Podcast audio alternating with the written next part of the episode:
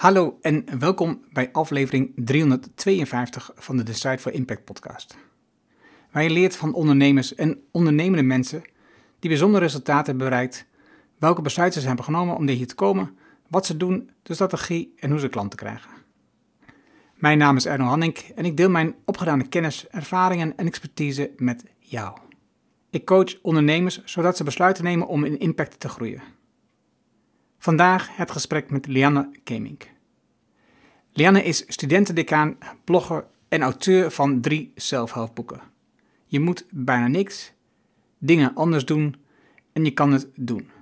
Daarnaast is ze de docent voor de creatief schrijvencursus van het NTI. Lianne is 34 en woont in Berkel en de Rode Reis. Laten we beginnen. Welkom bij Decide for Impact.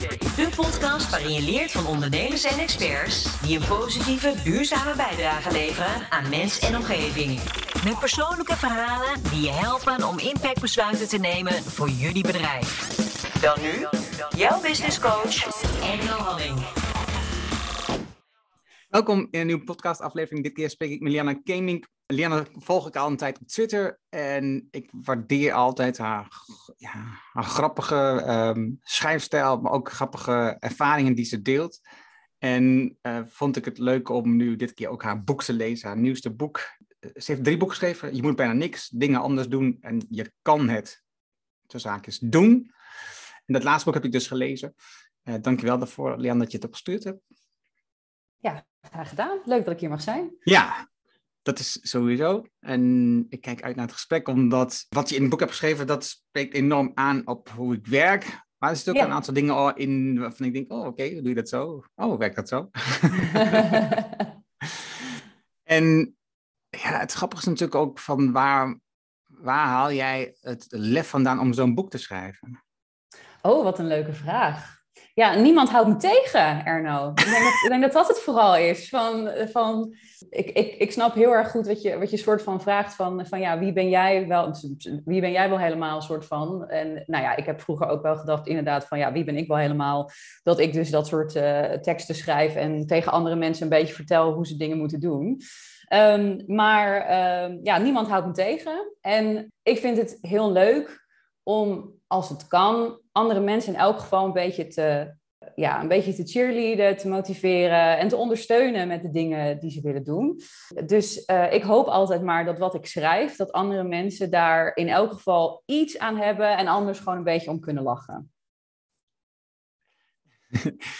en, en als je jouw teksten leest, dan is dat lachen, dat uh, speelt zeker een, een rol in hoe je schrijft. Hè? Dus, ja. Want heel vaak voeg je iets toe, tussen quotes of uh, haakjes of wat dan ook, eh, hoe je de dingen ziet. En dat zet meestal wel een lach op mijn gezicht. En ik ga vanuit op bij anderen ook, dus ik kan me het heel goed voorstellen. En, en dat, zie je denk ik ook terug in al, al je schrijfsels, ook je schrijfsels op Medium, uh, in, in, het Engels. Ook daar gebruik je toch wel grappige taal. En je geeft bijvoorbeeld ook een cursus, opleiding, training, ik weet niet hoe het noemen, creatief schrijven. Ja, cursus bij het NTE inderdaad, ja.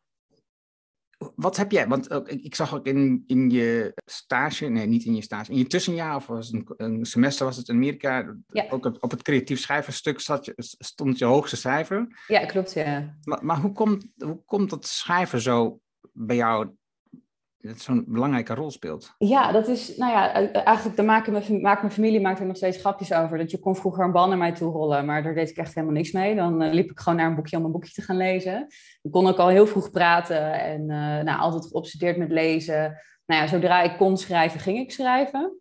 Nou, mijn vader heeft daar echt wel een belangrijke rol in gespeeld. Die heeft dat heel erg aangemoedigd ook. Die, die was ook degene die tegen mij zei uh, toen ik op een gegeven moment heel best wel goed werd in Engels, zei hij van ja, maar ga je Cambridge diploma halen? Want elke Nederlander zegt dat hij goed is in Engels. Zorg ervoor dat je het kan bewijzen. Um, ook aangemoedigd om naar Canada te gaan.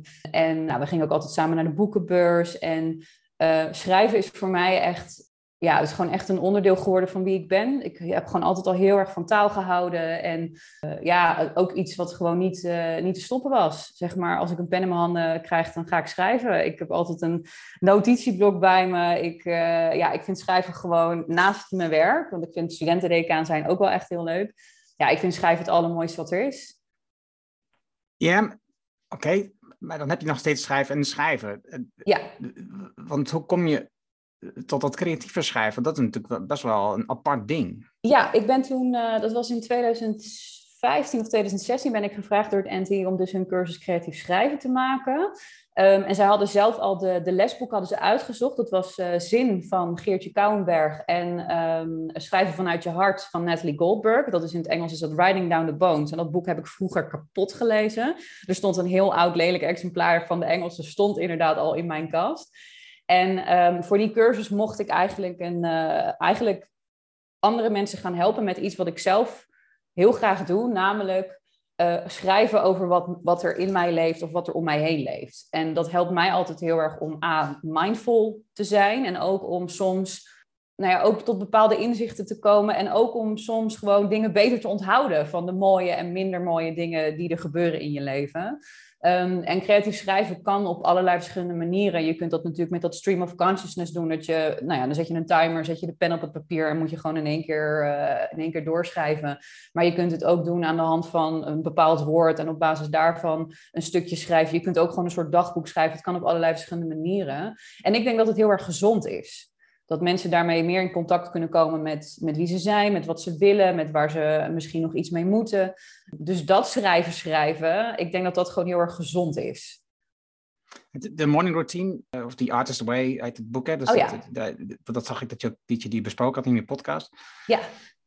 Is dat, is dat dan iets wat, waarvan, want dat wat wel vaak gezegd dat dat heel gezond is, die drie pagina's in de ochtend ja. gewoon, dat je daarmee begint en lekker schrijft. Is dat iets wat jij doet? Nee, die doe ik dus absoluut niet. Ik heb het geprobeerd, maar ik ben s ochtends gewoon uh, om uh, zes uur. Dan ga ik gewoon nog niet per se heel creatief meteen aan, zeg maar. Ik heb daar een paar uur voor nodig. Ik vind het lekkerder om dat wat, wat intuïtiever te doen. Dus niet een soort vaste routine. Kijk, voor het schrijven van, van, van blogs of boeken en dergelijke heb ik gewoon ja, toch een soort van gewoonte. Van nou, ik ga zitten en ik ga eraan. Want nou ja, over een paar maanden heb ik een deadline en die wil ik gewoon halen. Dus hè, dus ik laat dat wat meer, dat laat ik wat meer gewoon gebeuren, soort van. Uh, maar er zijn heel veel mensen die juist heel erg binnen die routine die dat vinden. Die juist die routine heel erg goed kunnen gebruiken, omdat het dan eigenlijk echt gaat gebeuren. Dus ik, zeg maar, ik denk altijd dat iedereen daar. Je hebt zoveel verschillende manieren, je moet echt een beetje vinden wat, wat het voor jou doet. Nee, je zei net, het, het schrijven, dat onthoud je beter. Uh, de ja. dingen die je overkomen of de dingen waarmee, waarmee je zit. Lees je dan je schrijfsels ook terug? Soms, uh, en, niet alles. Ik kan bijvoorbeeld mijn puberdagboeken, dat kan ik echt niet aan. Daar ga ik, nooit meer, ga ik denk nooit meer naar kijken. Hoewel ik het wel heel leuk vind. Ik weet niet of je de podcast Echt Gebeurd kent. Maar daar hebben ze dus één keer in de zoveel tijd... komt er een, uh, iemand en die gaat zijn puberdagboek voorlezen. Nou, dat is geweldig. Maar ik kan het geloof ik nog niet aan qua krommetenen. Maar soms lees ik het, lees ik het nog wel eens terug. En uh, um, ja, dat, ik denk dat altijd als je je eigen werk of je eigen stukjes terugleest, dan zie je er zowel de, ja, de mooie dingen in als dat je denkt van, oh jeetje, wat deed je toen dramatisch of oh, wat slecht. Of weet je, dat, dat, ik denk dat dat allemaal mag. ja, maar het onthouden zit dat dan vooral in het, doordat je schrijft. Gewoon dat je de pen en papier hebt. Ja, ja, en dan inderdaad, ik heb wel, wel nog eens een keer gekeken naar een, mijn eerste boek, Je moet bijna niks. Dat heb ik in 2016 is geschreven in de zomer. En dat, dat heb ik allemaal, de eerste versie daarvan heb ik allemaal met de hand geschreven in het Engels. Terwijl het was een Nederlands, werd, uiteindelijk werd het een Nederlands boek. Dat kwam er in de eerste instantie, kwam dat er allemaal in het Engels uit. En dat staat, nou, ik denk dat daar echt 20, 30.000 woorden van dus op papier stonden. En dat heb ik nog wel eens teruggepakt, omdat het Nederlandse boek is wat daar staat. Alleen natuurlijk toch een beetje, een beetje aangepast, zeg maar. Uh, en dat is dan wel heel leuk om, om, om soort van je eigen proces nog eens te bekijken. Want jij schetst net ook hoe je proces dan is, bijvoorbeeld. Dat je het hebt over dat je. Um, je hebt een deadline over een aantal maanden of een, over een jaar voor je boek. En dan, dan ga je gewoon schrijven. Maar dat is denk ik een van de meest lastige dingen voor de meeste mensen om te doen. Net zoals je kijkt, eh, ik heb het in mijn whitepaper over de lange termijn keuzes die je maakt als ondernemer. Het is juist elke dag dat doen wat bijdraagt in die lange termijn, dat is het meest Ja, lastige voor de mensen om te doen. Ja. Maar hoe doe je dat dan? Want hoe, hoe zorg je ervoor dat je dan dat wel altijd doet? Nou, dat is echt oefenen geweest. Gewoon trainen, trainen, trainen. Ehm, nou ja, zo- zoals, zoals je natuurlijk ook weet, eh, ben ik groot fan van de Pomodoro eh, eh, tijdsmanagement techniek. Dus ik, doe, ik leef mijn hele leven in 20 minuten per keer. Ja, en ik kan altijd wel ergens 20 minuten vandaan halen. Nou ja, en doordat ik dat dus eigenlijk al, nou daar ben ik mee begonnen tijdens mijn eerste boek, dat, dat die Pomodoro techniek, dus gewoon 20 minuten schrijven of 20 minuten redigeren of 20 minuten proeflezen. Um, dus toen begon die routine er gewoon heel erg in te slijten. Nou, ik heb hem ook, ik gebruik hem ook voor mijn werk, maar ik heb hem bij mijn tweede boek ook gebruikt voor het hele proces: schrijven, redigeren, proeflezen. Um, en op een, op een gegeven moment is het in elk geval voor mij echt zo dat mijn brein gaat niet meer zo zeuren. Want mijn brein denkt, oké, nou, we gaan blijkbaar Pomodoro, uh, daarna gaan we vast wel weer wat leuks doen. Dus uh, ja, dus mijn brein denkt gewoon, oké, en dan, zet ik dus, dan zit ik dus hier achter mijn computer met muziek op en die timer aan. Ja, en dan kom, dan kom ik wel, uh, ja, weet je, dan, dan, schrijf ik wel. En natuurlijk is dat de ene keer geïnspireerder dan de andere keer. Maar ja, schrijven is ook gewoon zitten en beginnen. Dus dat, dat is er gewoon helemaal ingesleten. En ik denk dat we, we willen het meteen kunnen. Dus we willen inderdaad, zodra we beginnen met ondernemen of met schrijven of wat dan ook, willen we eigenlijk meteen vanaf dat moment elke dag het goed doen. Elke dag inderdaad doen wat jij zegt van hè, voor de lange termijn uh, ons inzetten. Maar je moet eerst kruipen voordat je gaat lopen, en voordat je gaat rennen, en voordat je gaat sprinten, en voordat je op de, uh, op de Olympische Spelen staat, weet je wel. Dus het, is gewoon, het duurt langer dan dat je wil om dat erin te krijgen, maar het kan wel. Alleen het gaat gewoon iets, iets langzamer dan je denkt. Als jij dan schrijft, lees je dan je hebt dan die pomodoro-tijd van minuten, stel je in, mhm. ik ga nu schrijven van minuten. Ja. Maar lees je dan het, het, wat je daarvoor hebt geschreven terug? Nou, ik maak vaak een haakje, zeg maar. Dus dan, als ik dan klaar ben, dan maak ik nog even de zin af. En dan zet ik nog heel even bijvoorbeeld, um, uh, nou ja, het, het, begin van de volgende zin zet ik er neer. Of het volgende onderwerp zet ik even erbij. Of, of ik kan hierop verder. Dus dan, ik heb vaak wel een haakje waar, waar ik weer mee verder kan op het moment dat mijn volgende Pomodoro begint, ja. Ja, ja. ja, ik merkte de laatste keer dat ik eh, mijn whitepaper schreef, dat het heel erg weer, dat ik heel vaak aan het teruglezen was. Dat ik heel vaak en daar veel tijd aan kwijt was, wat een ja, heel zonde was. Uh, maar ja, dat, ik, ik, kan, ik, kan, ik kan, uit sommige delen kwam het niet goed uit. Dus ik, ik zat weer te worstelen op zo'n moment. Ja, precies. Nu combineer je dit, want dat is een veel gehoorde uh, opmerking van mensen waarmee ik werk, ondernemers. Hè, dus schrijven of lezen hebben we helemaal geen tijd voor. Uh, ja. hè, dus ze lezen heel weinig boeken, terwijl ja, je kan ontzettend veel uit leren. Maar ook schrijven ze zelf nauwelijks in een blog of wat dan ook, of een boek of zoiets dergelijks. Terwijl het heel waardevol is om jouw gedachtegoed te verspreiden. Ja, zeker. En jij bent, je, hebt, je zei net al, je bent de decaan ja. op school. Ja. Dat doe je volgens mij iets van vier dagen per week? Ja, klopt. 32 uur. Ja. ja. En dus heb je eigenlijk één dag in de week over voor, voor, voor, al het andere werk wat je doet. En dat is, ja, dat is veel, veel schrijven. Ja. En dat doe je in die 20 minuten heel vaak. Maar wat is dan je advies voor ondernemers om wel tot dat schrijven te komen, waarbij zij zelf vinden dat ze. Je hebt in, een paar, in je boek een paar, daarom zeg ik een paar opzetten gemaakt. Want als ondernemer, hoe vind je dan ergens die ruimte die jij ook vindt om toch te schrijven, om toch je kennis te delen, om toch je inzichten te delen? En ook als hè, niemand houdt je tegen, maar dan nog. Ja, precies. Je moet jezelf ook niet tegenhouden. Ja, precies. Je moet ook jezelf niet tegenhouden.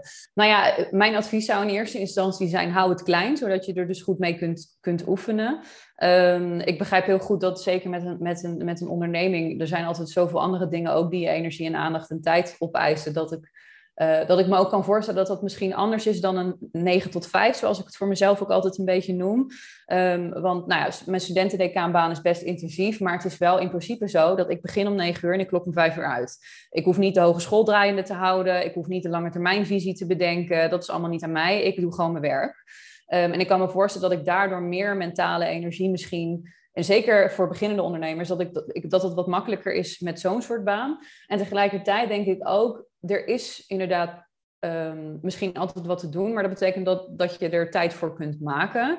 Um, en dan zou ik dus beginnen met het klein houden. Dus misschien niet meteen inderdaad een e-book, maar gewoon uh, korte blogs, bijvoorbeeld op Medium of op je site, of een korte nieuwsbrief. Want nou, ik kan me voorstellen dat veel ondernemers willen ook meteen heel veel waarde geven. En dat is natuurlijk een heel nobel streven, maar begin nou eens gewoon met één ding. In plaats van meteen, ik bedoel, de gemiddelde consument of de gemiddelde lezer kan sowieso niet meer volgens mij aan dan uh, drie handige dingen. Want dat is, dan zijn ze helemaal een soort van over, uh, overweldigd.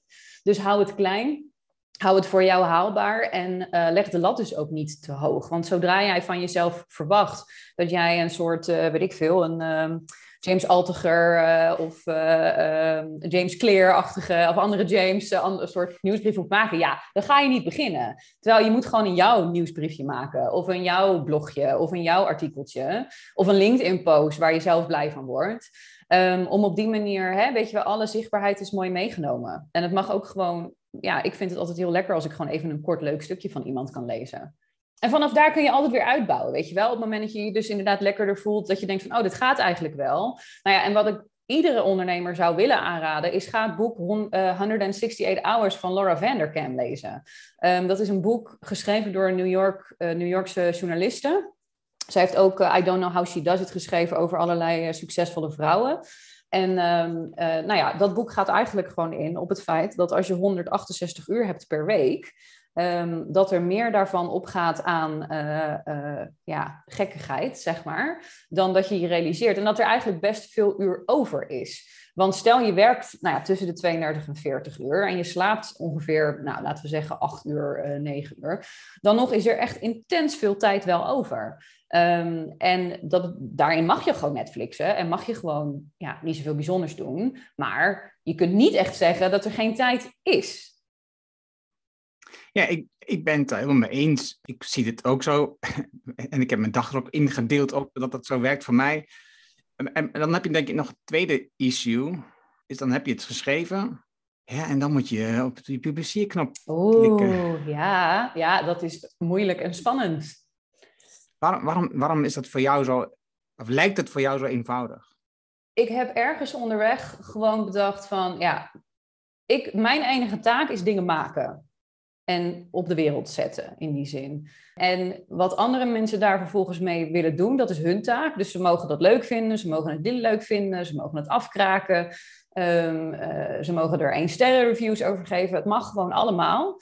Um, en ik mag het niet leuk vinden natuurlijk als dat gebeurt, maar in principe is dat gewoon allemaal niet echt aan mij dus ik, ja, ik zie dat een beetje, zeg maar, ik heb dat een beetje losgekoppeld van elkaar. En ik denk dat dat het voor mij makkelijker maakt. En het zal heus helpen dat ik ook veel positieve feedback natuurlijk krijg. Ik denk dat ik het lastiger zou vinden, kijk, als, mijn, uh, als ik echt uh, elke dag tien mails krijg over wat een, wat een rotboek ik heb gemaakt. Ik denk dat, dat dan wordt, dit, wat, wordt deze filosofie natuurlijk echt wel een stukje moeilijker. Maar dat is wel een beetje wat mij heel erg helpt, omdat ja, het staat iedereen vrij om het niet te lezen, om mij niet te volgen, om er niks mee te doen. Um, uh, maar ik wil het graag maken. daar word ik heel blij van. En we hebben allemaal hobby's nodig. dus ik, ja, daarom is het denk ik voor mij makkelijk. Ik zie, ja, ik zie het als het is gewoon niet mijn, het is niet mijn zaak, niet mijn probleem. Um, als iemand er wat aan heeft, heel fijn. En als iemand er niks aan heeft, uh, jammer. Maar misschien hebben ze wel iets aan iemand anders of aan iets anders. Ja, bij ondernemers merk ik wel dat ze vaak bang zijn wat, um, nou ja, klanten ervan vinden of leveranciers ervan vinden. Hè? Dus als ze iets schrijven over de branche, wat ze vinden dat niet klopt of niet goed gaat, dan hebben ze toch ergens iets wat een teken had. Ik, ik, ik, heb, ik heb bijvoorbeeld klanten waar het gebeurt, gewoon waar ik het zie. Weet je wel? Dan hebben ze een bepaalde visie op iets en dan willen ze erover schrijven en toch doen ze het niet of ze zwakken het af omdat ze gewoon bang zijn wat dan de markt ervan vindt wat zij schrijven. Ja, ik kan me voorstellen. Ja, ik kan het eigenlijk bijna niet voorstellen. Nee? nee, want het is gewoon, het is uiteindelijk wel, je hebt wel je visie um, over ja, de markt. Die, en die zou je het liefst niet compromitteren. Nee. Nee, dat is waar. Maar goed, inderdaad, het is natuurlijk ook allemaal mensenwerk. Dus ik kan me voorstellen dat je anderen ook niet tegen je in het harnas wil, wil jagen. Nou ja, weet ik niet. Jij zegt net zelf, het interesseert me niks eigenlijk wat een ander ik moet gewoon maken. Nee, maar ik kan me voorstellen dat als je een soort van afhankelijk bent van deze mensen, dat is voor mij natuurlijk ook anders. Ik, ik, ja, ik heb gewoon een vaste baan. Dus ik hoef ook niet soort van in die zin te, te hasselen, zoals veel ondernemers wel natuurlijk moeten doen.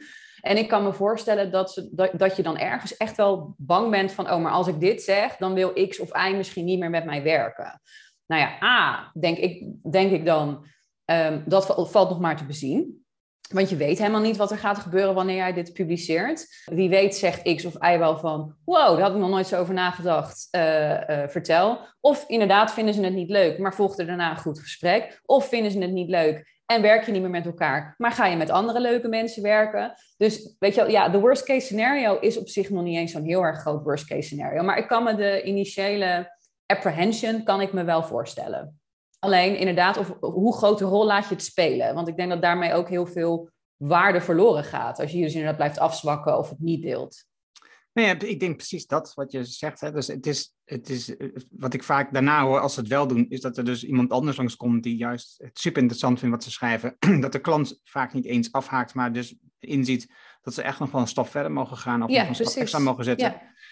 En uh, B is dat ze ook denken, oké, uh, als ik dit niet heb gezegd, dan kan ik ook de volgende stap zetten. En, en, en, en kun je wat meer uitzonderen. Hè? Dus in plaats van dat je de grijze muis wat in, in de markt, waar niemand echt interesse heeft, is dat je juist een unieke positie neemt. En dat zie ik bij jou ook terug. Als ik naar je kijk, bijvoorbeeld naar, op Instagram, hè, dan, dan, zie ik foto's van je in, in allerlei verschillende kledij, in verschillende posities. Uh, en en, en het, het, het, gevoel wat ik erbij heb, is dat je je eigenlijk nergens voor schaamt. Hè? Dus, dus, en dat is vooral ik niet verkeerd bedoeld, maar dat is dus wat ik dus zie in je beelden, denk van ja, nee, dus, ze doet het gewoon allemaal. Ja. En dat vind ik zelf ook wel spannend soms. Ja? ja, ja, zeker. ik denk toch wel heel vaak na van, maar ja, als ik dit doe, dan denk ik dat mensen er toch wel wat van zullen vinden. Terwijl als ik, het, als ik, het, als ik gewoon het niet op foto heb staan, dan zit het eigenlijk maar in de rol. Nee, nee, precies. Ja, maar dan het, het, zichtbaar maken voor anderen, dat is dan nog wel even een dingetje. Ja, ja, ja echt. ja, is misschien ook oefenen. Ja, ik denk het wel. Ja. Ik denk het wel. Maar ergens heb je het ook waarschijnlijk in je. Ja, ik heb wel denk ik een bepaald soort. Ik had het er laatst nog over met collega's ook. Hè? Want nou, ik heb allerlei soorten collega's. En de een zit wel op Instagram en de ander niet. En de ene vindt het wel leuk en de ander die vindt het belachelijk. En um, nou ja, dat, ook dat mag allemaal. En uh, ik denk dat wat, wat me voor een deel misschien kenmerkt, is dat ik vind het niet erg om gezien te worden of zo. Dus het is. Nou ja, elk mens heeft aandacht nodig, want zonder aandacht ga je dood. Maar als ik naar mezelf kijk, dan, dan ik, zeg maar, ik ben ook heel regelmatig niet op social media. Ik heb elk jaar, nou ja, tussen de één en drie maanden dat ik er volledig afwezig ben. Omdat dat ook, vind ik, goed is voor mijn mentale gezondheid. Om even er helemaal van los te koppelen. Want dan vind ik het daarna ook weer leuk, zeg maar. Want je kan ook een beetje vastkomen in een soort sleur. Ehm, en uh, nou, dat loskoppelen voor mij werkt in ieder geval heel goed. Ik heb er gewoon niet zoveel last van als, er, als mensen me kunnen zien of zo. En dat hangt dan natuurlijk ook vast samen met, met mijn ja, filosofie van ja, wat, wat een ander daarvan vindt, moet hij lekker zelf weten.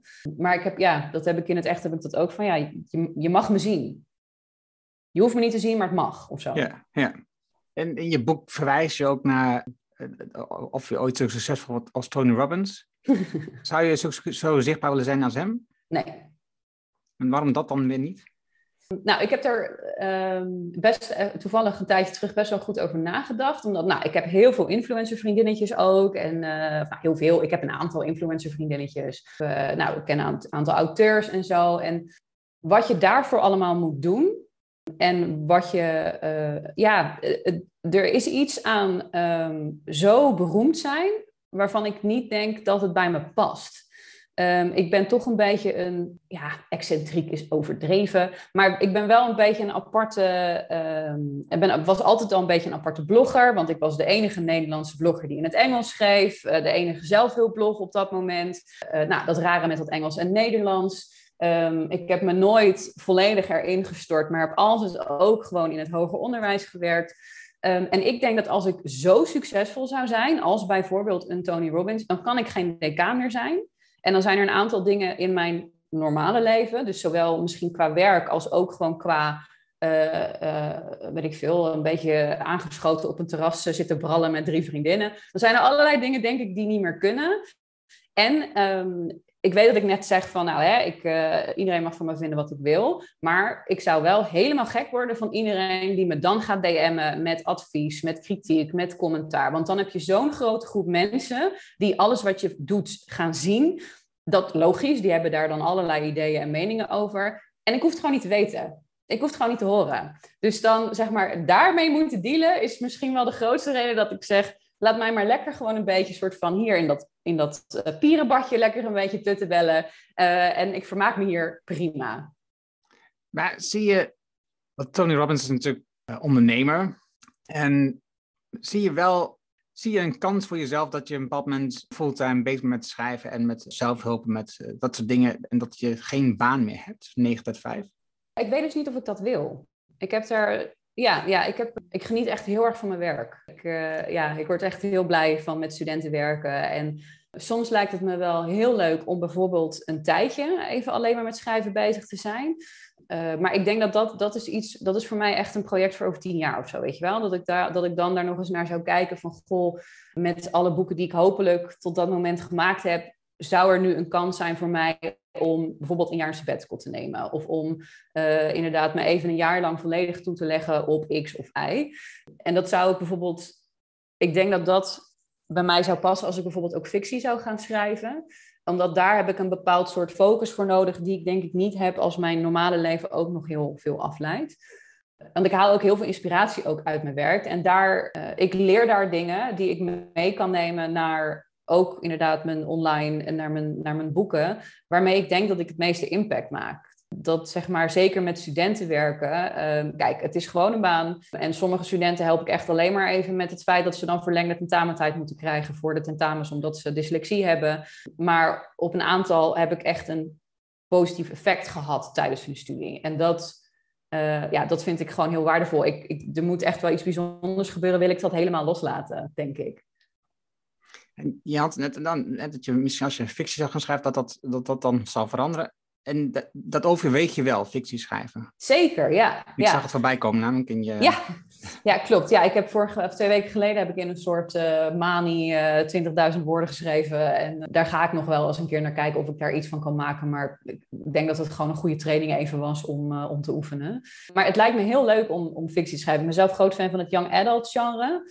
Ja, dat lijkt me gewoon uh, heel leuk. En ja, ik, ik vind het gewoon heel leuk om projecten te doen waar ik zelf zin in heb en zelf blij van word. En die mogelijkheid die heb ik vaak. Dus dat zou ik wel uh, zeker in de toekomst nog eens gaan proberen. Ja. Je schrijft met die Pomodoro-techniek, in die 20 minuten schrijf je 300, 700 woorden. Ja, zoiets. Ja, ballpark. Dat vind ik uh, reuze veel. Oh, echt? Ja. Oké. Okay. Dat lukt mij niet oh. in die korte tijd. Ja, de onderkant nog net, denk ik wel. Maar in 20 minuten 700 woorden schrijven, dat lukt me gewoon niet. Dus dat vind ik al bewonderenswaardig dat je zoveel kunt schrijven in zo'n korte tijd. Het, het, het, helpt natuurlijk ook in je efficiency, effectiviteit, weet ik veel. Ja, ja precies. Ja, ja. Als je zoveel woorden schrijft, dan, dan ben je natuurlijk in staat om snel een boek te schrijven. Ja. Ja, maar mijn brein is denk ik ook meer een sprinter. Zeg maar. dat, dat ik werk echt in die korte burst, maar daarna moet ik dan op een gegeven moment ook gewoon dus inderdaad soort van uitklokken. Ja. Um, dus eh, zeg maar, ik schrijf vaak een dagdeel. Uh, en niet de hele dag, want ik kan niet de hele dag in 20 minuten zoveel schrijven. En ik heb ook natuurlijk wel gewoon momenten dat ik dus 20 minuten doe over 100 woorden. Omdat ik gewoon, hè, wat jij bijvoorbeeld net ook zei met, met je nieuwsbrief, dat je dan uh, een beetje vastloopt, een beetje worstelt ergens. Kijk, dat, dat heb ik natuurlijk ook wel eens. Dus zit ik gewoon 20, 20, 20 minuten te pielen, gewoon aan een klein stukje. Ja. ja, precies. Dat is meer herkenbaar voor mij. Ja. ja, ik heb natuurlijk ook momenten waarbij het gewoon eruit rolt. Alleen wat ik besloten heb voor mezelf is dat ik in het verleden, zeg maar tot voor, ik denk een half jaar terug of zo, schreef ik elke dag, elke werkdag een artikel. En, het ene artikel kwam dan sneller uit dan het andere artikel was ook langer dan, dan hè, dus het ene moment heb je, ben je na 400 woorden tevreden en het andere moment doe je er heel lang over. En ja, als je, als je dan kijkt naar Um, nu, want ik heb dus voor mezelf gekozen, oké, ik, ga, ik ga wat anders doen. Ik ga wat meer ruimte geven om ervoor te zorgen dat het artikel meer body krijgt. Dus nu schrijf ik een week lang aan één artikel. Um, en dus elke dag wel schrijven, maar dan dat het een, ander, dat het een, wat, ja, een wat stevig artikel wordt. Ja, wat substantiëler, ja. In, in de hoop dat het dan wat meer draagvlak krijgt, ook in, in de zoekmachine op lange termijn. Oh ja. Want die korte artikelen zijn toch vaak wat vluchtiger natuurlijk. En ik heb geen idee of dat zo werkt, maar dat is een experiment wat ik dan doe. Ja, en dan heb, ja, dan heb ik natuurlijk wel dagen waarbij het heel makkelijk gaat. En dagen waarbij, het heel, waarbij, dan, waarbij er bijna niks uitkomt. Waarbij uh, ik vooral content verga of uh, dingen lees over dat stukje waar ik ermee bezig ben. Dus dat is anders. Je brengt ook nieuwe woorden. ja. Het, het woord uh, bare minimum. Mm -hmm. Ik spreek het vast niet goed uit. Het is een nieuw, een nieuw woord, dus, dus dat mag, hè? Ja hoor. Ik doe ook wel eens de M inderdaad op, op, de, op het eind einde, maar bare minimum. ja, precies. Ja, dat is... Wat is dat? Nou, dat is eigenlijk dat je probeert om met het minst mogelijk doen wel een uh, acceptabel uh, resultaat te boeken. Dus uh, bijna niet leren voor wel een 5,5. even een heel kort afgeraffeld mailtje maken om iets te regelen. Um, gewoon een beetje een soort van kijken of je met zo min mogelijk werk toch voor elkaar krijgt wat je eigenlijk wil. En waarom wil je dat? Nou ja, ik denk dus dat je dat bij heel veel dingen niet moet willen. Um, kijk, het is een, uh, een, uh, een tijds- en energiebespaarder, dus je kunt het zeker af en toe inzetten. In een ideale wereld zou ik willen zien dat mensen wat minder per minimumen bij dus de belangrijke zaken. Uh, en juist wat meer gaan denken aan, ik ga hier tijd en energie in investeren, want het is belangrijk voor mij. En dat geldt zowel voor studies als voor bedrijven, als voor projecten, als voor hobby's. Um, in plaats van te kijken van hoe kan ik met uh, zo min mogelijk doen wel het barely acceptable outcome realiseren. Jij noemt net een aantal punten van toepassing. Ik denk dat het misschien wel het belangrijkste, zo niet in ieder geval heel erg belangrijk is voor relaties. Zeker, ja. Daar, zo kun je er ook inderdaad naar kijken. Van, zowel in vriendschappen natuurlijk als uh, romantisch partnerschap. Uh, zeker als je elkaar natuurlijk al lang kent.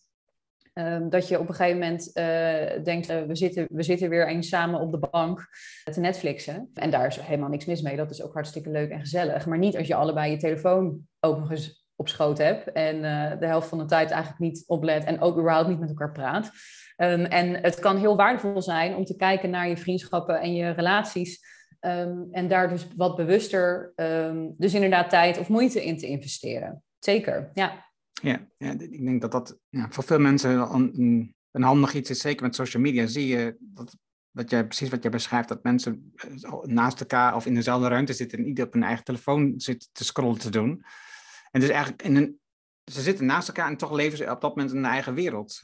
Ja, en ik denk dat, dat we zeker nu, en nou ja, ook natuurlijk na corona misschien zelfs ook nog wel, maar um, je, je, het, de valkuil is er. Je, het is zo makkelijk om, zeker als je moe bent naar je werk uh, en even gewoon ook een beetje oud wilt tunen, dat je inderdaad gewoon, dan ga je niet samenleven, dan ga je parallel leven eigenlijk. En dat is zonde. Ja, ja zonde. Ik, ik denk dat het gewoon uh, uiteindelijk een risico is voor... Voor, voor je relatie, zeker. Ja, ja en, ook voor Je, en ook voor je gezondheid uiteindelijk. Hè. Dus, uh, je relatie is natuurlijk belangrijk om ja, te ventileren, om met elkaar te communiceren, om ideeën uit te wisselen. En als je daar minimale aandacht aan besteedt, uh, minimaal tijd aan besteedt, dan, dan denk ik uiteindelijk dat je dat dus ook gewoon onder leidt. Ja, dat, dat kun je gaan merken. Dat kan op allerlei verschillende manieren. Kan dat toch, ja, dat kan meer irritatie opwekken. Uh, nou ja, je kunt inderdaad eigenlijk gewoon belangrijke dingen niet opmerken van je partner. Dat hij niet zo lekker in zijn vel zit en dat heb je eigenlijk niet echt gezien. Of ja, je bent allebei een beetje vergeetachtig over elkaar. Het zijn gewoon van dat soort kleine dingetjes waarmee je, nou ja, je ja, je, je relatie loopt daarmee een risico. En daarmee loopt inderdaad ook je gezondheid risico. Omdat op het moment dat je eenmaal... Hè, dat zijn natuurlijk die drie pilaren, zeggen ze wel eens. Hè? Werk, gezondheid, relaties. Nou ja, en eentje kan wel wiebelen. Uh, maar op het moment dat, dat alles gaat wiebelen... En, of er valt er eentje om, ja, dan, dan moet je eigenlijk iets hebben om op terug te vallen. Dus het kan heel erg de moeite waard zijn om ook daarin inderdaad, zoals je zegt... Ja, dus te kijken naar investeren in elkaar. Ja, ik kom nog zo weer terug op een van je boek, maar even dan de, de, terugstap maken naar eigenlijk je opleiding. Want je zegt allemaal slimme dingen ook hierover, hè? een bepaalde stelligheid, maar dat heeft natuurlijk ook met te maken met je, met je opleiding. Ja. Wat is voor jou het belangrijkste wat je in je opleiding uh, psychologie hebt geleerd? Het belangrijkste wat ik in mijn, uh, mijn opleiding psychologie heb geleerd is allereerst gewoon de basiskennis over de mens. Dus hè, hoe, wij, uh, ja, hoe ons brein werkt, hoe we ontwikkelen. En uh, nou, er zijn, weet je wel, ik ben in uh, eh, 2011 afgestudeerd, dus het is alweer best een tijd geleden. Dus er zijn allerlei inzichten die ik misschien niet heb, of die inmiddels anders zijn. Maar ik heb een bepaalde basis over de, de human psyche daar wel echt op gedaan. Maar misschien wat ik nog wel belangrijker vind, is gespreksvoering. Ik heb tijdens mijn studie heb ik elk jaar practica gedraaid met, met gespreksvaardigheden. In mijn stage, stage liep bij PsyQ uh, op de ambulante afdeling voor uh, depressie en bipolaire stoornis. Gespreksvaardigheden, veel gedaan, veel geoefend. Ik heb toen ik op de universiteit werkte, heb ik zelf ook die gespreksvaardigheden practica gedraaid. Een van de belangrijkste dingen die je kan leren in het leven is met andere mensen praten. En dat is, neem ik aan, ook weer een van de belangrijkste elementen in je huidige job. Zeker. Ja, in mijn, in mijn huidige werk komen studenten naar de studentendecanen toe met... Uh, ja, ik heb een probleem of uh, er is iets aan de hand. En, nou, en dat, dat kan dus inderdaad hele, kan heel simpel zijn tot ja, ik heb vijver en ik ga al mijn deadlines niet redden, dus ik moet, daar moeten we iets mee. Nou ja, tot gewoon hele ingewikkelde ehm, psychosociale, emotionele situaties. Waarbij je soms ook wel echt moet leren hoe je met iemand om moet gaan. En dat gaat heus niet in één gesprek in alle gevallen. Maar door die basis van um, die gespreksvaardigheden en mijn uh, natuurlijke neiging om ook nog wel eens een beetje te gaan prikken in iemand, ja, gebruik ik dat inderdaad heel veel.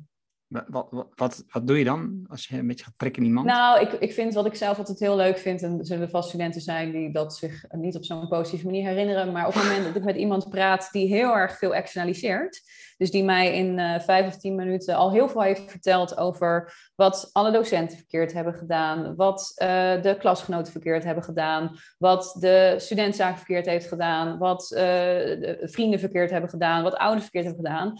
Dan vraag ik op een gegeven moment, doe je zelf ook wel eens iets fout? En de reactie die daarop komt is heel tekenend. En op basis daarvan komen we vaak alweer een heel eind, ja of niet, een heel eind verder. Omdat eh, ik wil absoluut niet zeggen dat alles altijd alleen maar iemands eigen schuld is. Zeker niet. Dat is absoluut het geval. Maar het, het, het is wel soms opvallend in een gesprek um, hoe vaak iemand het woord van de ander gebruikt versus ik. Um, uh, want op het moment dat je geen enkel aandeel neemt in uh, de situatie waar we op dat moment mee bezig zijn, dan is het heel interessant om eens te vragen van, goh, wat is jouw rol? Of wat, hè, wat, hoe, ja, hoe zie je dat zelf? En heb je wel zelf iets verkeerd gedaan? Dat wekt dus soms een beetje dat, die verraste reactie op. En dan komt er dus vaak, ja, nee, ik weet ook wel dat, weet je wel. En dan kom je vaak, en op basis daarvan kom je vaak weer een stuk verder. Dus dat soort dingen vind ik vaak wel leuk om een beetje, een beetje te prikken. Of als iemand uh, vertelt van, ja, en ik moet echt afstuderen, want mevrouw, ik ben al 22. Dan zeg ik, ja, nee, inderdaad, het is echt TikTok, TikTok, TikTok. Weet je wel, een beetje zo op die manier. En kijk, met, bij een hele timide, uh, hele verdrietige student, dan doe ik dat natuurlijk niet. Maar bij iemand met wie ik merk van, nou, hè, wij, wij kunnen wel goed met elkaar, dan kan je met dat soort beetje toch grapjes en een beetje confrontaties, kun je juist vaak wel heel ver komen.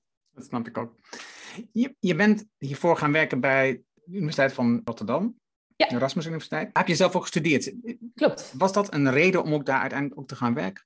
Ja, dat liep, heel, uh, liep eigenlijk heel natuurlijk. Ik ben in 2011 uh, studeerde ik af en toen kwam de functie voor tutor vrij. En tutor, uh, een tutor en trainer op de Erasmus Universiteit die helpen in het probleemgestuurd onderwijs. Probleemgestuurd onderwijs is een didactische vorm waarbij je studenten eigenlijk een probleem aanlevert en de studenten naar aanleiding van dat probleem eigenlijk de leerstof gaan bestuderen, zodat ze het probleem kunnen verklaren of het op kunnen oplossen en dat soort dingen. Nou, dat, komt, dat is ook echt begonnen ook uh, bij de uh, Erasmus Universiteit uh, onder Henk Smit en Henk van der Molen. Um, de, de, twee de twee psychologiepapa's, soort van daar. En um, nou ja, ik had al in het onderwijs gewerkt tijdens mijn studie. Ik heb op het MBO heb, heb ik als onbevoegd docent Engels heb ik een aantal jaar gewerkt. nou, toen heb ik daar gesolliciteerd en toen ben ik daar aangenomen en toen ben ik daar eigenlijk gewoon gebleven. Ja, ik hield altijd al heel erg van de universiteit. Ik vond studenten vond ik toen ook al heel leuk. Nou, toen heb ik daar uh, uh, nou ja, eerst 2,5 jaar gewerkt dus als tutor en trainer. En dan pakte ik ook wel graag wat extra klussen op, zoals nakijkwerk en nou, helpen bij allerlei dingen. En toen is er op een gegeven moment is er een internationale bachelor van psychologie is opgezet. Uh, en daar heb ik ja, eigenlijk een soort ja, projectmanagement van gedaan. Uh, vertalingen voor uh, de stof, het, de sociale activiteiten van de internationale studenten en dat soort zaken. En daar heb ik een hele hoop van geleerd. Het was heel leuk en soms ook echt wel een beetje ingewikkeld. Dus dat is eigenlijk mijn, ja, dat was mijn eerste baan en daar ben ik best een tijd gebleven. En het is heel leuk. En toch besluit je dan op een bepaald moment om te switchen. Ja, nou, sowieso had ik, uh, ik had een drie jaar contract gekregen. Uh, toen bij de internationale bachelor uh, kon dat, omdat ze hadden gewoon best voor een tijd hadden ze iemand nodig.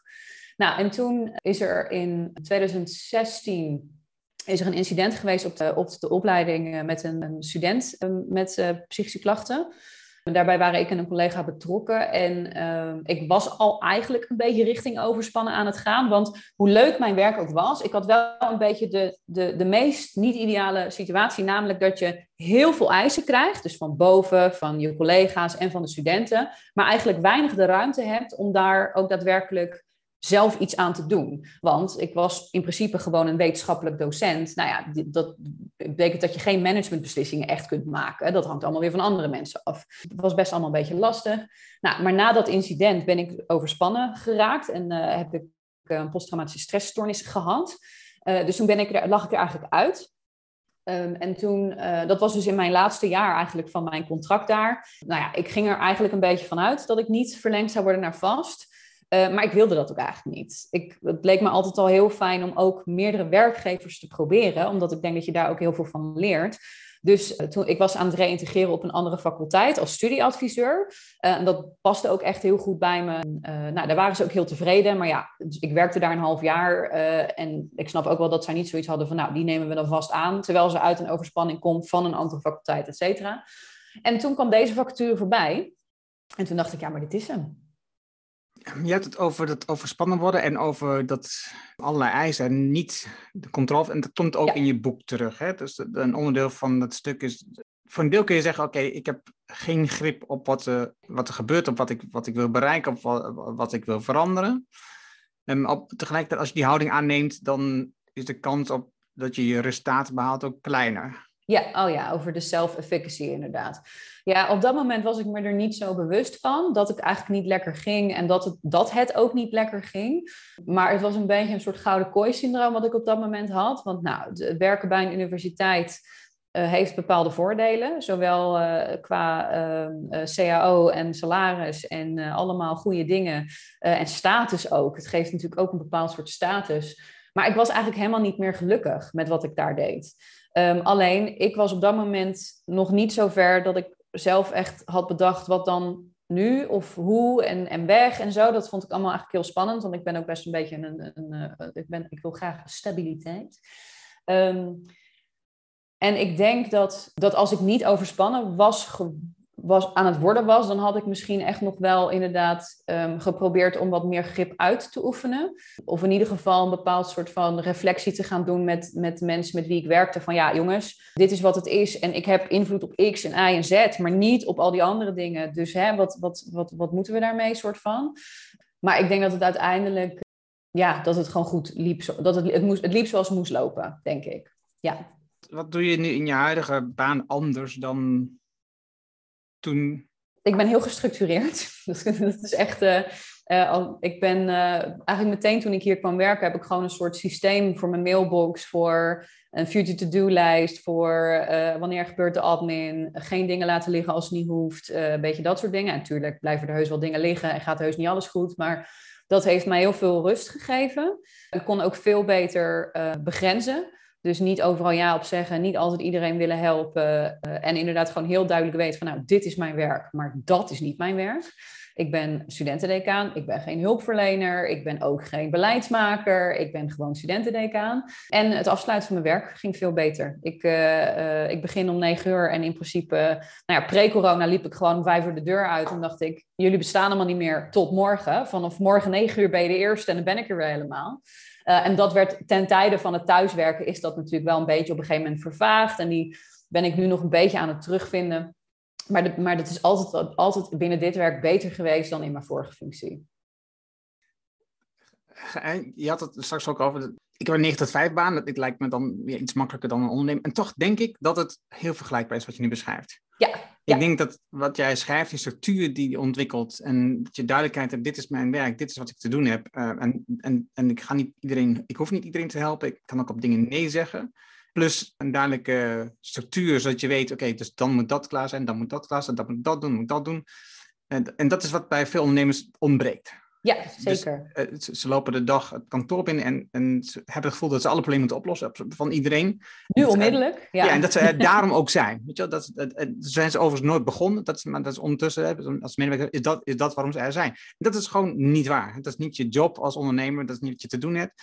En dus ik denk dat wat jij beschrijft, dat dat de oplossing is voor heel veel ondernemers om veel meer na te denken over de toekomst en veel meer te denken, hoe kan ik meer impact maken met mijn bedrijf, in plaats van alleen maar te zeggen, ik moet iedereen in mijn bedrijf helpen. Ja, en de brandjes blussen om me heen. Ja, en niet ja, alleen van, de, van de medewerkers, maar ook van de klant en al. En dat is wat jij ook ervaart, dat je van al die elementen overal ervaar je druk en je hebt eigenlijk weinig invloed. Terwijl als je juist stellingen neemt en positie neemt en zegt, oh, dit is zoals ik het georganiseerd, dit is hoe ik het um, uh, structureer, uh, dan wordt het voor anderen ook veel makkelijker om te bepalen wanneer ze bij moeten zijn, ja of nee. Absoluut, ja. En weet je, je hoeft je helemaal niet aan te passen aan de ander. De ander mag zich ook aanpassen aan jou. En als jij dus inderdaad hebt besloten, nou, ik werk zo en zo. En dat betekent dat uh, voor tien uur mag niemand tegen me praten. Want dan zit ik gewoon even gewoon alles te regelen en mijn to-do-lijst te maken voor wat er allemaal moet gebeuren. Nou, van tien tot elf mag iedereen bij me binnenkomen uh, met een praatje of een, of een vraag of wat soort dingen. Nou, en daarna gaat de deur weer dicht, want dan ga ik deep work doen. Weet je, je kunt dat in principe doen. Uh, alleen je moet het wel doen. Dus dan moet je inderdaad wel een bepaalde visie. En dat hoeft niet in één keer goed te zijn. Daar kun je ook gewoon mee experimenteren. Ja, en iedereen heeft er maar zich maar aan te passen op dat moment. Ik ben het uh, helemaal eens. nu, je laatste deel van je boek. Dat gaat over de BVA trainingskamp. Beginnen, volhouden, afmaken. Yes. En een van de termen die daarin opvalt is de carpe opus. Ik, ja. ik kan geen Latijn, maar dat is, um, ja. het, is, het is Latijn, toch? Ja, klopt. Ja, ja. Technisch gezien, mijn, mijn klassicus vriendinnetje die zei later nog, ja, het is niet helemaal correct, want opus is niet helemaal taak in die zin. Maar toen dacht ik, ja, maar, maar het is wel het mooist, dus ik heb hem toch gehouden. Um, maar carpe opus staat dus voor pluk de taak. En dat is dus een techniek die ik zelf vaak toepas als ik een heel vol hoofd heb met heel veel verschillende dingen die ik eigenlijk moet doen. En ik raak een beetje een soort van verlamd. Dan is mijn enige optie, ik moet iets doen. Dus dan maakt het niet uit hoe groot, hoe belangrijk, hoe klein, uh, hoe frivol. Nee, we doen nu even iets. Want als ik namelijk eenmaal één dingetje heb gedaan, dan kom ik vaak vanuit daar uh, alweer bij van oké, en dan is het misschien nu handig om dat te doen. Maar het haalt je uit die, ja, die, die paralysis van oh, er is zoveel te doen en ik weet niet waar ik moet beginnen. En wat ik zie is, wat dus dan vaak gebeurt, is dat, dat ze iets gaan doen wat eigenlijk geen waarde heeft. Hè? Bijvoorbeeld ze gaan de inbox openen en, en, en oh, ja. eigenlijk lezen en ook niet eens reageren, want er is zoveel te reageren. Dus dat, daar heb ik ook, het, het, ik ga morgen op, die, die, die doe ik later, zet ik heb ongelezen op terug en zo. Dus ze pakken heel veel dingen op. Um, ik check even LinkedIn of iemand daar ja. gereageerd oh, heeft. Ja. Ja. En daarna draagt dat niet bij. Dus ik denk wel dat als je een plukte taak, dat het wel een taak moet zijn die iets bijdraagt. Nou ja, in principe niet. Maar wat ik denk, ik vind een inbox lezen geen taak, zeg maar. Ik vind dat, ik vind dat geen taak, want dat is, dat, dat is alleen maar informatie innemen. En dat, dat levert inderdaad niks op. Dus een, een taak voor mij is, ik lees een mail en die beantwoord ik. Want anders is het, vind ik het dus geen taak. Uh, want het enige wat het dan doet, is je, je nog meer informatie geven, terwijl er niks van output is. Dus in die zin, het hoeft niet per se heel veel waarde te hebben, maar het moet wel echt iets doen. En ja, een mail, zeg maar, een mail van het ene mapje naar het andere mapje, terwijl er nog actie bij verzit, vind ik persoonlijk geen, geen opus, geen taak. Nee, dat vind ik een mooi onderscheid. Die, die snap ik ook heel goed. En ik denk ook dat die goed uit te leggen is. Dat het, en die ga ik gebruiken vanaf nu. Dat, dat dat gewoon geen taak is. Nee, ja. En, dus, en iets kleins, een mail, één mail lezen en afhandelen en beantwoorden, dat is wel een taak. En als je de één hebt gedaan, dan, krijg je, dan heb je de eerste stap gezet in, in de voortgang voor de volgende taak. Dus die vind ik heel mooi. Ja, en ik gebruik daarbij zelf ook altijd een beetje die algemene regel van ja, kost dit me nu vijf minuten om dit te fixen en te beantwoorden? Zo ja, dan doe ik hem ook echt meteen. Ja, dat, dat doe ik zelf minder. Ik heb wel echt meer dat ik werk vanuit focusblokken. Uh, dus dus ik, ik heb eigenlijk in de ochtend vaak een focusblok van twee uur, waar ik dan in principe drie taken, die zijn dan vaak wat groter, die zijn dan uh, 40 minuten, doe. En dan wil ik me ook niet laten afleiden. Dus dan heb ik de rest in principe allemaal afgesloten. Dus dan komt er ook niks langs van vijf minuten. Dat, nee, dat, dat helpt mij enorm ja. om geconcentreerd op die, om die taak ook werkelijk af te ronden. En dat, wat veel gebeurt is namelijk, dat is een grappig bijkomstigheid, als je zo'n focusblok hebt, dan uh, popt er van alles in je brein. Waarvan je zegt, oh ja, oh, dat moet ik ook nog doen. Oh, dat moet ik ook nog doen. Ja. En wat, de valkuil waar je ingaat, is dat je dan zegt, ja, ik ga het even, dat kost vijf minuten, ik ga het even doen. Ja, nee, dat is, dat is, als je bezig bent met gefocust werk, dan moet dat juist niet. Dan kun je het misschien opschrijven voor jezelf. Precies, dat doe ik dan. Maar ja, precies. Nee, maar ik heb het meer over als ik dus inderdaad in mijn inbox zit. Uh, weet je wel, ik heb dat, doe dat vaak. Uh, op maandag heb ik dan ook echt een half uurtje geblokt ook in mijn werkagenda. Van nou, dat is in principe de tijd dat ik even mijn, mijn mails beantwoord die misschien dit weekend zijn binnengekomen. Nou, en als daar een mail tussen zit waarvan ik weet, oh, hop, dit heb ik binnen 1 tot 5 minuten heb ik dit beantwoord en gefixt en in Osiris gezet en whatever. Dan doe ik dat inderdaad. En de mails waarvan ik denk, oeh, ik moet hier even over nadenken. Of oeh, ik merk dat ik hier heel reactief op reageer, die moet, ik moet even afkoelen, dan gaat hij in de future to-do-lijst en dan doe ik hem inderdaad later. Ja. Future to-do-lijst, die heb ik niet, dus dat klinkt wel interessant. En dat, dat, is, dat is, komt dat uit een Getting Things Done idee een beetje? Nou, ik moet zeggen, ik werk zelf totaal niet met Getting Things Done. Dus ik sta, de methodiek is mij niet super bekend. Maar het is voor mij echt het mapje van...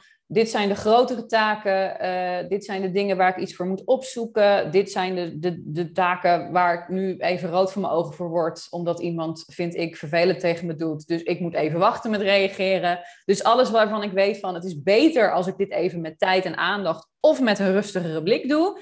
die schuif ik in dat mapje.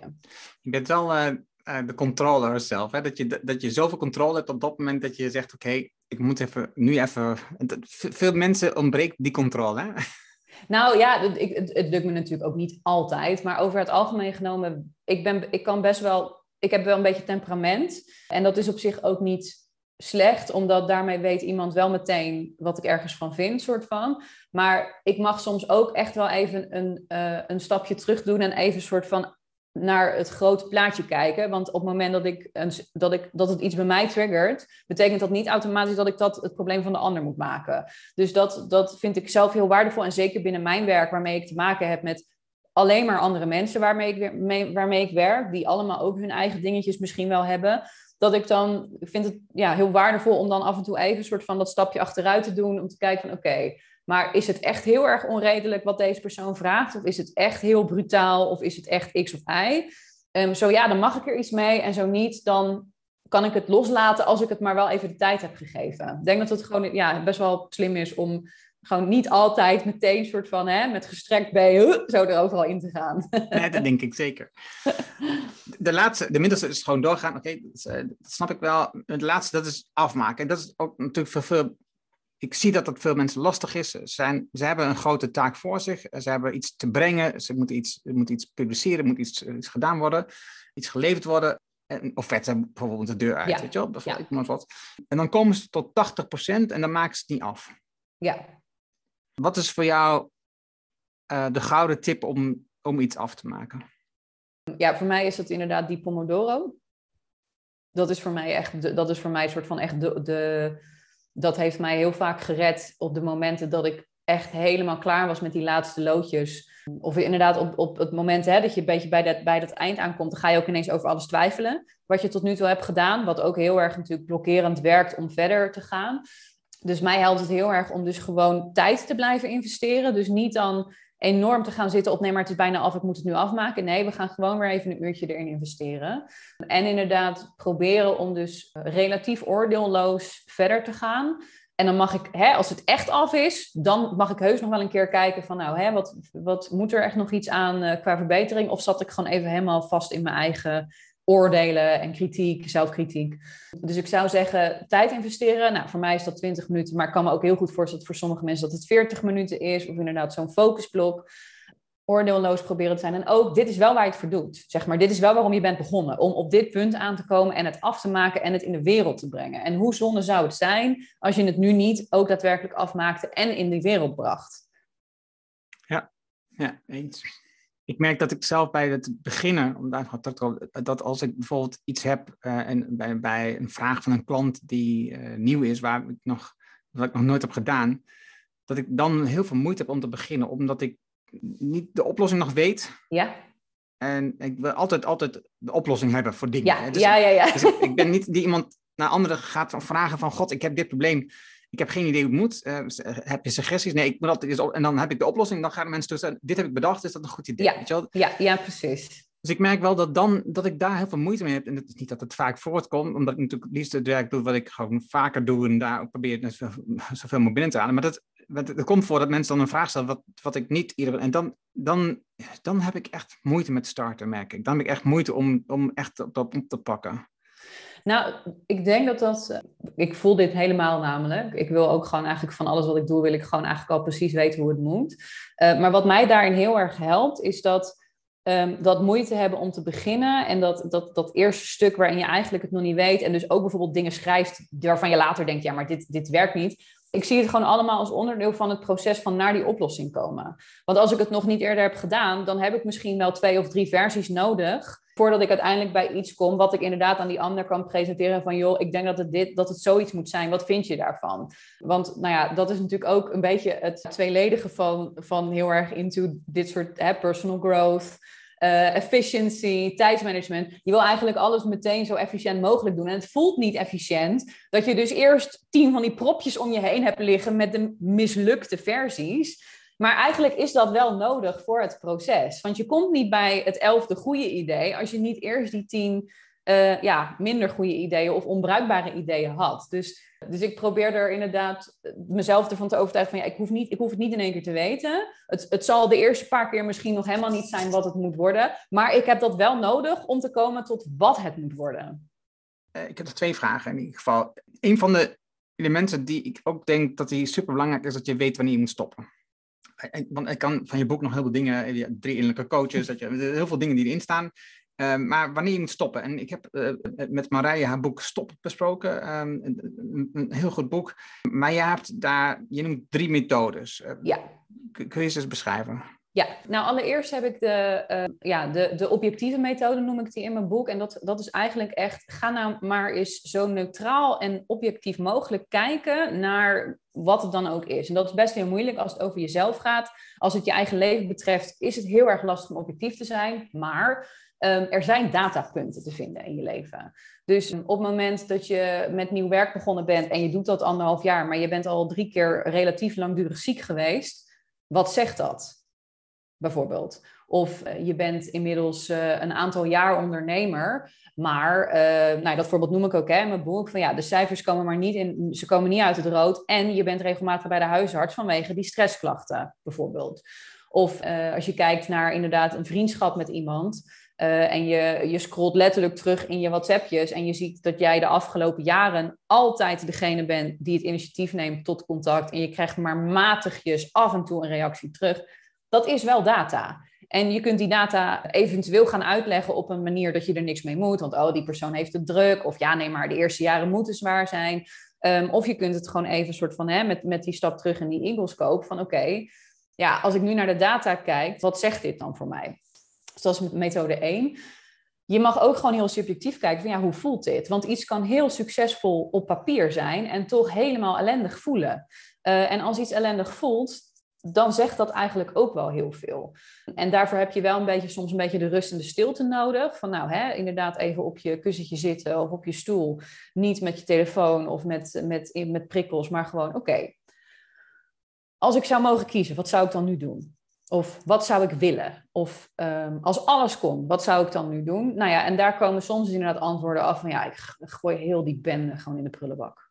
Of ik wil hier weg. Of nee, ik wil hier blijven, maar ik wil niet meer dit doen, ik wil dat doen.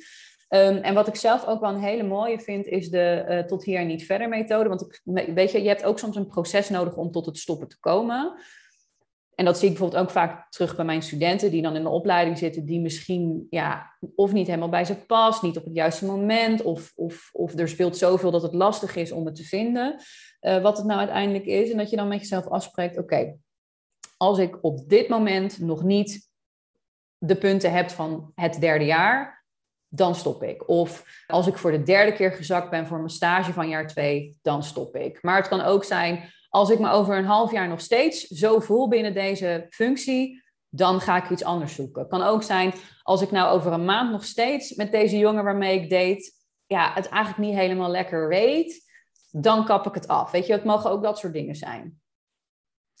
Die laatste methode heb ik een keer gebruikt voor mijn bedrijf. En toen zei ik, als, als er nu niet het resultaat boven dit bedrag uitkomt het komend jaar, dan stop ik. Ik heb het toch niet gedaan. Nee, precies. Ook al, ook kwam het er niet mooi uit op dat ja, Maar ik heb, dat heb ik dus ook in mijn boek staan van, nou, en als je dus op dat moment komt, en het is dat moment van, ja, eigenlijk zou je hier moeten stoppen, maar alles in jou zegt, nee, ik wil toch verder. Ja, dan kan dat ook gewoon. Weet je, dan, dan zet je de paal toch weer ergens anders. En ja, de consequenties zijn helemaal voor jezelf dat je dat op die manier doet. Uh, maar het, het zegt vaak wel iets. Dat op het moment dat je daar komt en je, je voelt gewoon aan alles van ja, nee, maar ik wil toch door. Dat is wel ook een heel belangrijk teken. Uh, waar je ook echt wel naar mag luisteren. Ja. Nou, dan was dat het gesprek. En, en ik vond het super om van je te leren. Ik hou van hoe je schrijft, van, van uh, de, de aanvullingen die je doet.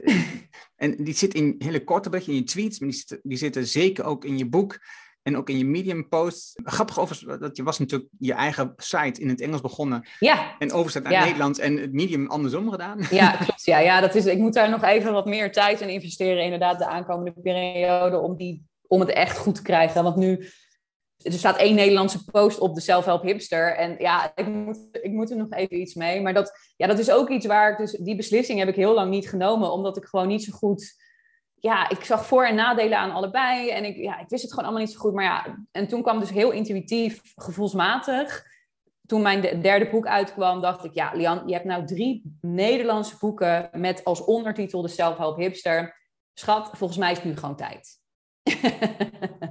Nou, ik, ik, snap het heel goed. Ook die worsteling tussen het Engels-Nederlands schrijven. Ik snap het heel erg goed. En, en je podcast is in het Engels. De, de, ik zie het, ik, het is heel herkenbaar, dat, die worsteling. En, uh, en, ook, en ik denk dat het ook oneindig lastig blijft. Hè? Dus, dus, dus je hebt een Nederlandse... Er is ook geen goed of fout, weet je. Het heeft, het heeft allebei voor- en nadelen. Ja. ja, ja. Nou, ik vond het een superleuk gesprek ook, eh, Erno. Dankjewel. Fijn. Dus als je als je als ondernemer ook ja, iets wilt leren over uh, hoe je de dingen meer gedaan krijgt, dat je, hoe je begint en hoe je dingen verder brengt en afrondt en hoe je dat in, ja, de blokken tijd maakt in je eigen dag, in je werkweken, um, in je werkjaren, dan denk ik, dan vind ik het een super waardevol boek uh, om daar mee in slag te gaan. Het is grappig geschreven, niet zoals de, de meeste managementboeken. Nee. en, en, misschien moet je daar wennen, maar ik denk het niet. Ik denk dat het heel erg prettig is om eens een keer als ondernemer dat je niet zo'n zo'n saai managementboek leest, mm -hmm. maar dat je gewoon iets leest wat, wat luchtiger is.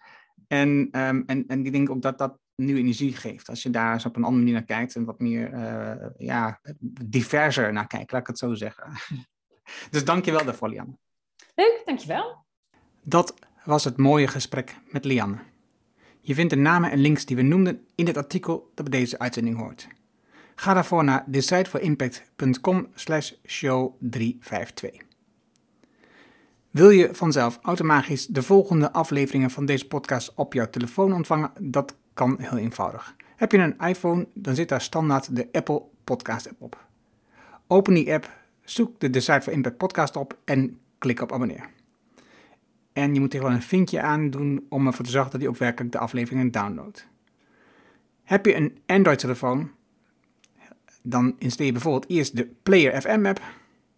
Zoek daar de, de for Impact podcast op en klik op abonneer. Dankjewel hiervoor. Heb je vragen, opmerkingen, een reactie op deze aflevering met Lianne of over de podcast in het algemeen? Stuur dan een e-mail naar podcast.decideforimpact.com. Ik hoor super graag van jou. Wil je meer impact, meer resultaat, meer effect van je werk en meer effect voor de mensen met wie je werkt? Download dan het whitepaper Winst en Impact met lange termijn besluiten.